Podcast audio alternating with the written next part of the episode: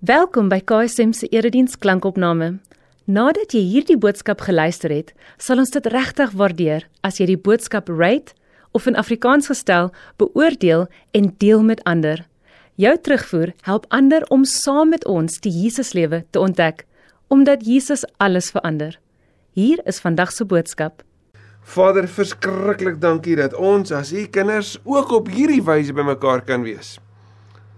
Ons is dalk ver van mekaar af fisies, maar deur hierdie platform en deur die woord is ons aan mekaar gebind. Ek bid so, Here, dat u woord ons vandag sal vind op die plek waar ons is. Dat u woord ook vir ons vars en nuut gebreek oopgebreek sal word vandag en dat ons in ons refleksie daaroor regtig ook sal beleef hoe tydloos, hoe eie tyds u woord is en hoe nodig ons ook hierdie woord vir vandag het. Kom en wees aan die woord. O lewende woord, Jesus die Here. Amen. Amen. Ons sluit vandag ons reeks af getiteld Winde van verandering. Jy sal onthou dat Johan dit vir ons afgeskop het om te sê, hoorie maar seisoene verander en as die seisoen verander, moet ek en jy weet, dit bly 'n konstante, ons verander saam. Hy het vir ons geneem na die lewens van 'n Petrus toe. Onthou jy? En en van Josef en Paulus en natuurlik ook Salomo.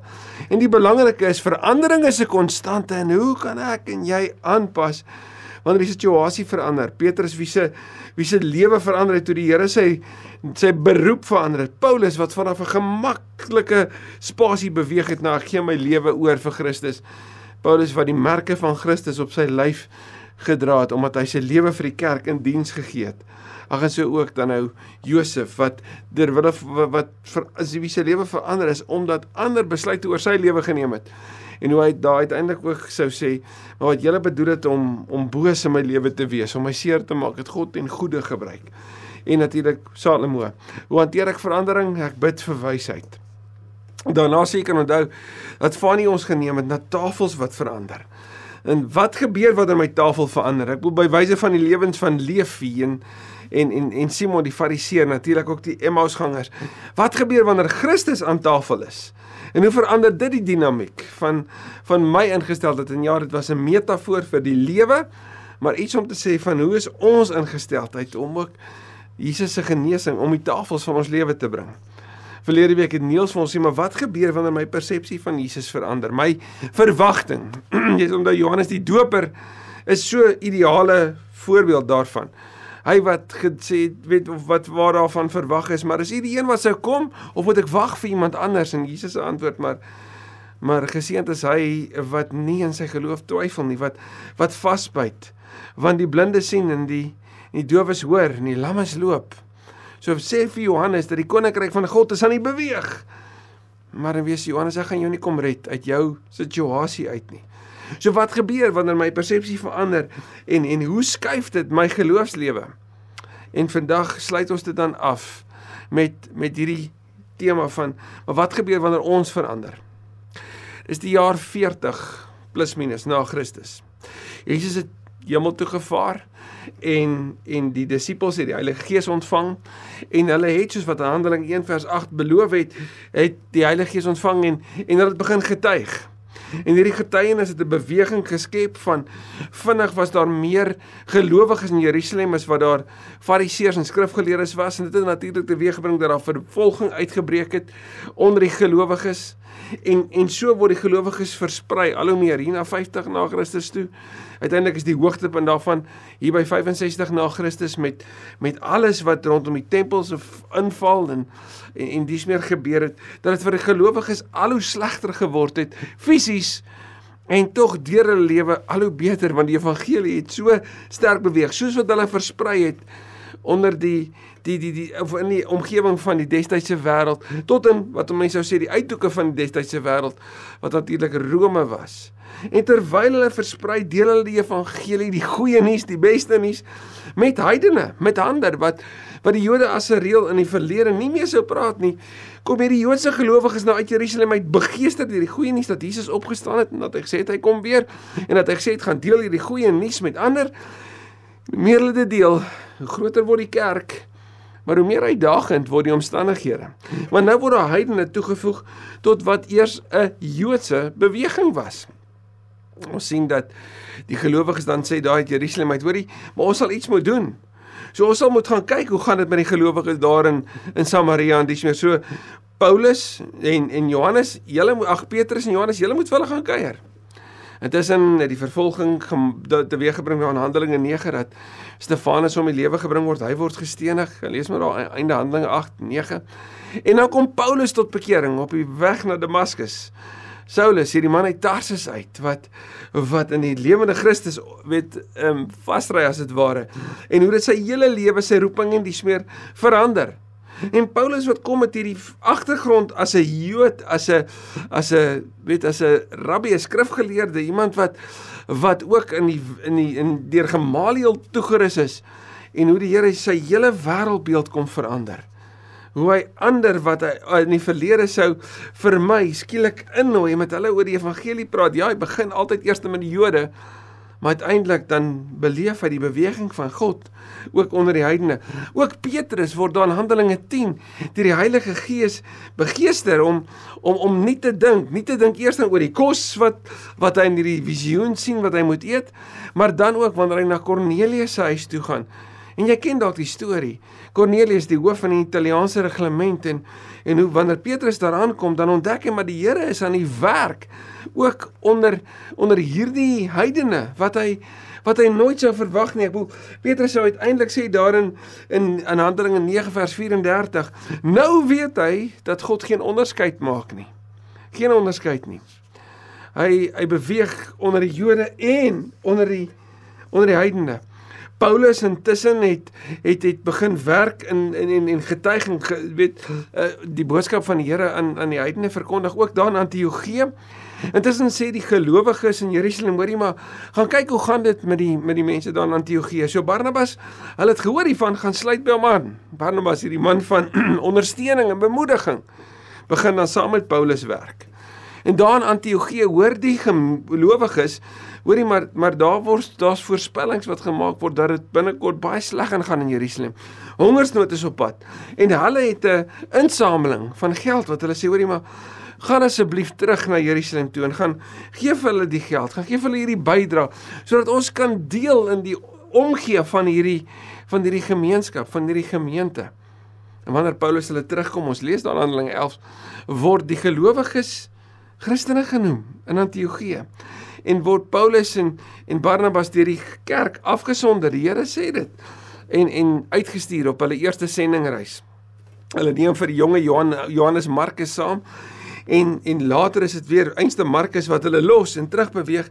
En ons sien hoe die evangelie verkondig word in die omgewing daarvan Antiochië en en dis meer gaan lees dit maar gerus dan Handelinge 11 en 12 en wanneer Paulus hulle terugkom het hulle soveel goeie nuus van wat God doen onder die heidene. En terug in Antiochië kom vertel hulle maar vervolging het uitgebreek en fisies raak dit swaar. Maar daar's soveel vreugde en ons wil julle bemoedig vanuit ons plek van van vreugde wanneer ons gesien het wat die Here doen. Uiteindelik sê Paulus vir hulle dan in Antiochië sê die gelowiges gaan eers maar moet ly voordat die koninkryk van God ten volle kom. So hy kom sê dan dat die omgewing raak moeilik, maar die geleenthede is baie. So gryp dit aan en gee wat nodig is sodat die evangelie verkondig kan word. En daar in Antiochië kom daar dan 'n 'n klomp Jode aan as jy in Handelinge 15 se eerste deel gaan lees. En hulle kom sê maar maar jy kan nie 'n Christen wees en nie onderhewig wees aan al hierdie Joodse wette nie. Jy moet jouself laat besny as jy 'n nou 'n gelowige man is wat wat sê dat jy in Jesus glo want ek bedoel dis tog die basis van waaruit ons kom. En dan het Paulus en Barnabas geweldige woordewisseling met hierdie groepering. En hier is die mooi. Wat doen die gemeente wanneer daar verskil is? Breek hulle weg? Nee. Sê hulle hoorie ons is klaar met julle? Nee. Hulle sê ons moet hierdie ding gaan uitpraat. Asseblief, kom ons praat dit uit. En die gemeente gee alles wat nodig is vir Paulus en vir Barnabas om terug te gaan na Jerusalem toe hulle voorsien in hulle in hulle behoeftes en hulle middele wat hulle nodig het. En dan in Handelinge 15 kom die gelowiges die die leiers van eh, van destyds bymekaar. Ek wil jy het Jakobus daar, Jesus se boetie wat een van die pilare van die kerk van daai tyd was so genoem.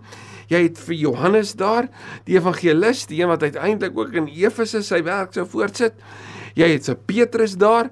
Petrus op wie se belydenis dat Jesus die Here is, die kerk gebou is en natuurlik Paulus en Barnabas. So die groot vergadering is daar. En dan moet hulle besluit, want sien, die omgewing het verander. Die ons van kerk wees het verander. En hoe is 'n mens kerk in 'n tyd en in 'n wêreld waarin dit nie net meer Jode was wat uit hulle agtergrond en uit hulle etniese agtergrond, uit hulle taal, uit hulle verstaan meer meer nou net kerk uitmaak nie. Nee, nou is daar heidene met hulle agtergrond en hulle taal en hulle wêreldbeeld wat nou volgelinge van Jesus is.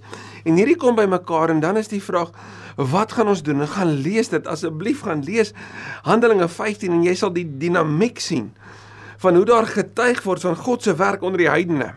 Jy sien dat Petrus opstaan en dan kom staan dan sê hy vir hulle vol vol oortuiging van wat hy gesien en ervaar het dat die gees van die Here is aan die werk onder die heidene. En dan staan Jesus se boetie Jakobus op. En hy spreek die vergadering toe. En as ons mooi dink oor hoe wagmoedig dit was van hierdie leiers om te sê en dit was ongewild, nê? Nee, om te sê hoorie maar ons kan nie misken wat God aan die werk is mee onder die heidene nie. En dan dan neem hierdie Jerusalem vergadering seker die die die grootste besluit wat 'n vergadering nog ooit geneem het want anders sou ek en jy nie kon doen wat ons doen soos wat ons dit vandag kan doen nie. En ek lees graag vir ons in Handelinge 15 vanaf vers 22. Daarna die apostels en die ouderlinge saam met die hele gemeente besluit om mense uit hulle geleedere saam met Paulus en Barnabas na Antiochië toe te stuur. Hulle het vir Judas wat ook Barsabas genoem is en vir Silas gekies. Manne wat die agting van die gelowiges geniet het. En hulle het die volgende brief saamgestuur. Van die apostels en die ouderlinge, julle broers, aan die gelowiges uit die heidendom in Antiochië, Sirië en Cilicië, groete. En hoor nou. Ons het gehoor dat daar mense van ons af gekom het wat julle verwar en ontstel het. So hulle erken dat die mense wat vanuit Jerusalem daaraan gekom het, het eintlik droog gemaak, nê? Nee? Deur vir julle te sê waar ehm um, waarvoor hulle geen opdrag van ons ontvang het nie. Daarom het ons eenparig besluit om manne te kies en na julle toe te stuur. Hulle vergesel ons geliefde Barnabas en Paulus wat hulle lewe gewaag het vir die naam van ons Here Jesus Christus. Ons stuur nou vir Judas en Silas ook om mondeling mondeling hierdie dinge aan julle oor te dra. En hoor nou hierdie, die Heilige Gees en ons het besluit om geen verdere las op julle te lê as net hierdie noodsaaklike dinge nie. Dat julle nie vleis moet eet wat aan afgod aan 'n afgod geoffer is nie, ook nie die bloed nie en ook geen dier wat verwrig is nie en dat julle onseedlikheid moet vermy. As julle julle van hierdie dinge weerhou, doen julle reg. Hartlike groete. Ek dink ons lees hierdie baie vinnig. Maar besef ons die omvang hiervan. Hierdie Jode met hulle 613 wette. Sou kon sê ons verwag van die heidense gelowiges om nou soos ons te word. Om ons taal, ons gebruike, ons styl, ons voorkeure te handhaaf. Hulle sou kon sê dit is vir ons bekend en nou verwag ons van julle om by ons aan te sluit. Maar wat doen die kerk?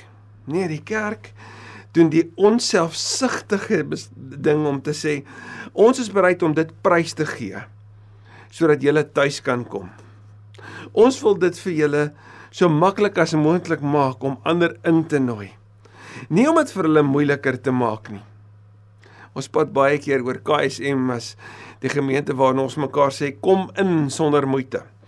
Ja, ons hier mos sê kom in sonder moeite want ons is maar eenvoudig is. Maar kom in sonder moeite soms so vir my op wat hierdie vergadering besluit het. Hoe maak ons dit verander moontlik om in te kan kom sonder moeite? Ons omgewing verander en ek is seker die omgewing waar jy tans is is aan die verander verander in wat sommige sou noem 'n post-Christelike wêreld. Dalk 'n verandering in taal, dalk 'n verandering in in die tipe mense wat om jou woon. Wat was Paulus hulle bereid om te gee sodat ander kon inkom? Wat was hulle bereid om om te laat gaan? Vandag is doopsondag by ons. Die eerste Sondag van elke maand is die Sondag wat ons die voorreg het om babatjies te doop. En en en, en natuurlik ander ook, nê, nee, wat tot bekering kom en gesinne ook te doop. Maar kom ons plaas net die fokus op kinders op hierdie oomblik. Want ons wil nie kinders as ongelowiges hanteer nie. Hulle is deel van die familie. Daarom kry hulle ook die voorreg om te kan deel in alles van die familie en die doop is natuurlik een daarvan. Ons vra altyd by die doop 'n klomp vrae vir vir die ouers wat hulle moet bely. Maar dan so aan die einde 'n vraag dan vir die oupas, die oumas, die ooms en die tannies van hierdie van hierdie kinders. En die vraag sal wees: Is julle bereid om te doen wat nodig is sodat hierdie kinders en hulle generasie Jesus onbevange in hulle taal en in hulle metafoor en in hulle styl te kan dien en te kan lief hê om hom te kan volg. Is jy bereid om te gee, ook fisies te gee sodat hulle dit kan doen? En ek moet julle eerlik sê, oor al die jare het ek nog nie een keer iemand gesien wat hulle hand opsteek en sê nee nie. Natuurlik nie. Ons wil dit vir hulle gun. Ons wil hulle sê hoorie maar gaan voluit, dien die Here, wees lief vir hom. Binne in julle taal, binne in julle styl, binne in julle tipe musiek, binne in julle klere drag, soos wat julle wêreld dit gaan vra. Doen dit. Ons wil dit nie vir julle moeiliker maak nie en tog tog is daar 'n ander kant in jou en my, nê. 'n Kant wat sê maar in ons dae was dit beter. In ons dae was ons meer toegewyd of in ons dae het ons daarvan so gehou. Wat leer ons by hierdie vergadering in Jerusalem? Ons leer dat wanneer jou wêreld verander, dan gee jy prys ter wille van die evangelie. Wanneer die, die dit hier om ons verander, dan gee ek prys al bring dit my binne 'n nuwe ruimte in, dalk 'n ruimte wat aanvanklik vir my ongemaklik is, sodat die evangelie kan wen. En gaan lees gerus wat daarna gebeur het. Dan sien toe Paulus en Silas en Barnabas toe hulle hierdie kom deel het, toe was die ander so opgewonde. Hulle was so so dankbaar. Want in plaas daarvan dat hulle ingeperk was met nuwe wette, was hulle ondersteun met vryheid om te sê gaan daarvoor. Gaan bereik wat jy moet. Gaan voluit met hierdie evangelie, hierdie Here wat by julle is. Want ja, jy eet nie vleis wat aan afgode geoffer is nie, want jy gaan in 'n wêreld duidense wêreld in en jy gaan nie deel daarin nie. Jy gaan nie erken of goedkeur wat hulle doen nie en jy leef seksueel rein. Want natuurlik hoe jy leef in jou verhoudings is 'n afbeelding van Christus en sy kerk. So gaan wees rein. En dis dit. Geen wette soos die Sabbat nie. Geen wette soos die Joodse feeste nie, die Joodse taal nie, geen verjoodsing nie. Gaan voluit en verkondig die evangelie van Jesus die redder aan die wêreld. Ons wêreld is aan die verander. En wat is ek en jy bereid om prys te gee? En wat en ek en jy bereid om aan te leer? Soos Petrus sou sê dan 1 Petrus 3 om 'n antwoord te hê vir elkeen wat 'n verduideliking eis oor die hoop wat in ons leef. Hoe is ons bereid om te sê Here, maar verander ons? Want sien Kolossense 3 vers 10 sê ons leef die nuwe lewe van Christus, 'n lewe wat al hoe meer verander word na die beeld van Christus. Al hoe meer verander. Oom Billy Graham se sy vroukie tannie Ruth het op 'n dag saam met hom Billy verby 'n konstruksietoneel gery. En daar was 'n bord op wat gesê het construction in progress. Thank you for your patience. En hulle het 'n paar keer deur verby hierdie toneel gery en eendag toe toe sê die bord construction completed. Thank you for your patience. En vandag en sy toe 'n gesprek met oom Billy gehad en vandag as jy op die grafsteen van Tannie Ruth gaan kyk, dan sal daar staan construction completed. Thank you for your patience. Sien as ek en jy dit verstaan, as ek en jy besef ons is voortdurend aan die verander, mag dit ook so van ons wees. Dat ons die dag wanneer ons die lewende Here van aangesig tot aangesig beskou, dat daar ook oor ons lewe mag gesê word construction completed. Thank you for your patience. Want sien wanneer ons verander, kan ons ons wêreld impakteer. En ons is aan die verander en konstant aan die verander. So kom ons wees nie bang daarvoor nie. die winde van verandering waai en die Heilige Gees is aan die beweeg, sal ons ook kan sê ons in die Heilige Gees het besluit. En daarom gaan ons dit nou doen. Amen. Dankie Here dat U so genadig is in ons lewe dat U ons help om nuwe ontdekkings te kan maak. Nuwe ontdekkings oor die geleenthede in ons omgewing. Nuwe geleenthede wat vir ons wag om ons te lei tot dieper groei en dieper verstaan van die evangelie. Ons wil erken, ons moet erken en bely dat daar dinge is waarvoor ons lief is, dinge wat vir ons bekend is. Dinge wat eintlik so groot deel van ons identiteit geword het. Maar die verkondiging van die evangelie dalk juis kan inperk, verander. Mag ons daarin bereid wees om prys te gee. As dit my fisiese gemak of die ruimte waarin ons aanbid of selfs die taalvoorkeur van van die tafel mag wees. Mag ons bereid wees om prys te gee sodat ander kan inkom, sodat hulle die liefde van Christus kan beleef en sodat ons ons roeping kan leef. Aan U die Here wat alles prys gegee het om tussen ons te kom woon die stofstrate van ons wêreld kom loop het, die taal van ons mense kom praat het en vir ons kom wys het hoe goed die koninkryk van God regtig is en hoe goed die goeie evangelie regtig is. Dan nie kom al die eer toe. Mag ons agter die aanstap. Ter wille van die vreugde wat vir, vir ons in die vooruitsig is, soos Hebreërs 12 sê, mag ons dit wat U vir ons gee om te doen met volharding doen, die oog gefestig op Christus, die begin en volëinder van ons geloof. Amen. Amen.